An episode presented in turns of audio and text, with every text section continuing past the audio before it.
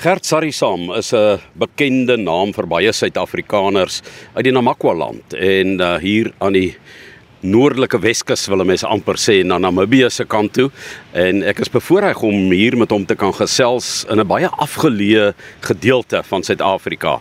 Uh maar 'n plek wat baie geliefd is en dit is die ou De Beers gronde waar hy ook naby boer wat uh, vandag deur Parkeraad bestuur word en waar jy um, so 'n bietjie hare op jou tande moet hê of sal ek sê water in jou bottel moet hê as jy hier wil kom kuier.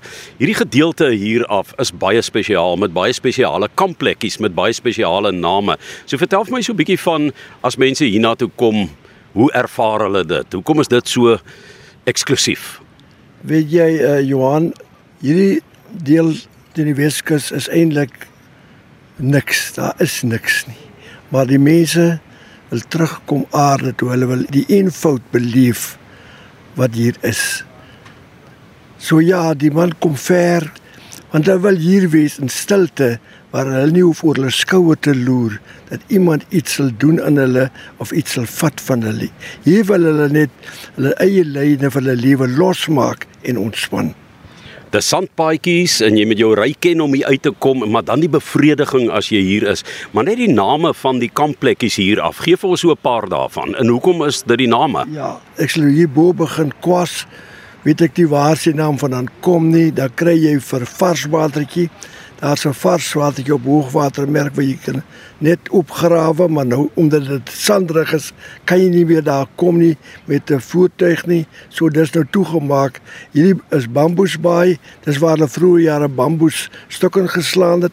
Dan kry jy vir koringkorrel. Nou koringkorrel het 'n interessante naam.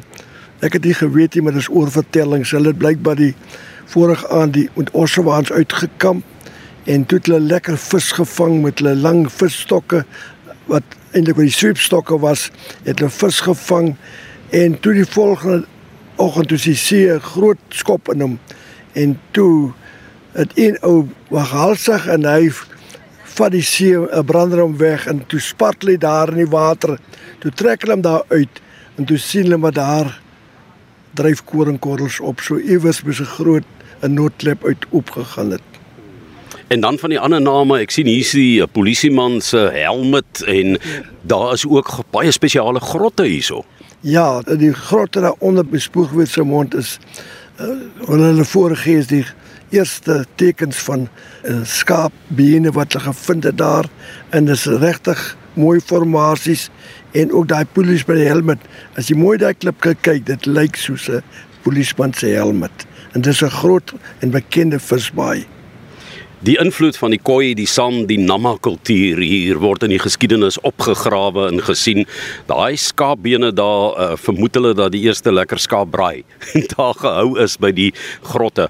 Maar die kultuur en die geskiedenis is daar iemand wat dit bewaar? Is daar iemand wat dit neerskryf en hoe werk dit? Ek het probeer. Ek het probeer en ek het vir sandparke onlangs het ek hulle ooreed om want daar op Koringkorrelbaai waar ons alle jare vir 60 jaar al kamp uh, het uh, Robbie Leibrand uitgekom in die uh, Tweede Wêreldoorlog met sy uh, rubberbootjie en by my oupa uitgekom en almal vra hoekom is hier nie 'n bord op nie en ek is nou besig om met daai bord eintlik daar staan te maak in samewerking met Pakkeraad. Die mense praat van 'n duikboot en party praat van 'n seiljag en ander van 'n rubberboot Robbie Leibrand wat 'n uh, bekende figuur geword het in die geskiedenis, maar hoe het hy hier uitgekom uit die baadjie wat deur na die ander kant as ek nou mooi kyk daar ja. na daai kant toe lê? Ja, daar's verskillende boeke geskryf oor hierdie verhaal, maar uh, ons wat nou hier groot geword het, weet dat my oupa het hy het hier in die uh, 41 het hy uitgekom hy het gekom met die Kylo, dis 'n seilbootjie. Daar was ook 'n ondersteunende masjien op gewees en so kilometer uit op Lambersbaai het hy eintlik beheer oorgeneem vir hierdie vir hierdie uh, boot wat hy het gesê ek vertrou julle nie. En toe het hulle hier gekom af uh, laai met 'n uh, rubberbootjie en hy daai nag het hy hier geroei en intussen daai branders het hy ge, hy het homself vasgemaak aan die boot en het hy uitgeswem en die boot uitgetrek en die rubberboot het net agter die duin begrawe en toe die wêreld begin stap met sy sender Dan spat hy die senter agter 'n bos versteek en toe het hy by my oupa uitgekom op Sarisam. Sarisam, die naam Sarisam, waar kom dit vandaan? Want al die stories hier moet 'n mens gaan navors en dit is nie neergeskryf noodwendig in boeke nie. Dit is oor vertelling. So vertel vir ons van Gert Sarisam wat eintlik Gert Engelbreg is, maar die Sarisam naam. Ja, hierso het is almal byname omdat daar toe ek opgroei 'n paar Gert Engelbregs was, het ek later Gert Sarisam geword. Dan ken jy weet jy wie is wie. En daarom het ek nou toe ek begin skryf, het ek ook die Gert Sarisam naam gebruik. Ek skryf onder Gert Sarisam. En Sarisam ook iets namma in? Dis ja, jy beslis namma dit Sarisam die woord en omdat daar riete langs die plaas langs die Bitterrivier is, beteken die woord eintlik fluistering van die wind deur die riete. Nou mense wat hier wil kom kamp moet 'n paar dinge weet. Kyk as jy in die stad 'n huis koop, dan sê hulle altyd adres, adres, adres. Hier is dit water, water, water, né? Ja, water is skaars hier, so maar ek het gelukkig nou hier ek sit op 'n baie sentrale punt by Korenkorre en elke oggend voor ek plaas toe ry, stap ek op en dan kollek ek die ouens se kanne en ek help hulle met water. So ja, hulle kan maar kom. Dit sal niks kos, dis net vriendskap. Dis die tipe mense wat hier in hierdie omgewing woon wat se harte so oop is. Maar vertel tog vir die mense waar is ons op die oomblik want ons praat nou van 'n paar name, ek het so bietjie vir hulle beskryf, maar um, kom ons gebruik as die sentrale vertrekpunt Garries. Hoe kom ou van Garries af hier uit? Garries ry jy na drie hekke in die park, die groenefeer hek, die middelhek is Sarisam hek en die noorde kant se hek is die Onnekrabaai hek. Maar dis die maklikste roete is oor Sarisam want jy kan met 'n tweewiel trek ry tot Tennessee. Jy kan nie baie ver ry nie, maar jy kan met 'n tweewiel trek ry. Dis 'n 62 km tot by die eerste hek Sarisam hek jy ry vanaf Garris. Dan draai op die Koinas Wallekralpad af en dan ry jy so 19 km, dan kry jy die bord Soutfontein en Sarisam Soutfontein 25 en Sarisam 35. En as jy by Sarisam verbyry, dan wys die bord vir jou afsee toe en dan is jy in die hemel. Maar ek moet sê terwyl jy so op pad is, het iets my nogal geprikkel wat ek net so vinnig oor wil hoor en dit is die Sarisam Plaas Museum. Wat is dit? O, goeie ja, dit is uh, laas jaar was dit op Kwela gewees. Dis 'n 'n plaasmuseum en die ouens kom dit veral in die vakansietye vra hulle vir my om dit te kom besoek en ek tree op as gids soort van en ek verduidelik vir hulle wat alles in die museum is. So het ek ook deur die blomme seisoen verskeie groepe hulle moet liefs maar uh, vir my uh, skakel. Die nommer is 027 201 37 52. Dis my nommer en ja, dan maak jy afspraak en ek vat vir jou deur daai museum vir 'n uur plus.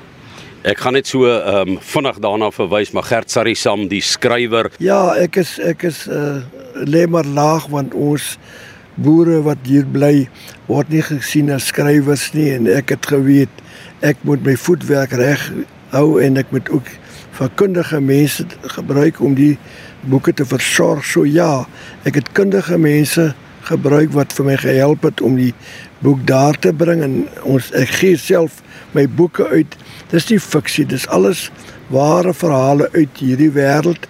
Ek gee dit self uit en ek verkoop dit ook self, maar dit is ook beskikbaar by Springbok Lodge is beskikbaar by Garris Toeristestal op Bitterfontein by Gerber en Co en ook daar by Velskoen Draai by Klein Willem eh, en dan ook op Kadusi langs die pad op die N7. En dis alles ware verhale. Ek dink dis wat dit onderskei van ouens wat grappe maak of vertel en oor dat dis nie fiksie nie, dis feite. Dis feite ja, dit, ek hou nie van fiksie nie, want fiksie is soos 'n droom, môre vergeet jy dit weer.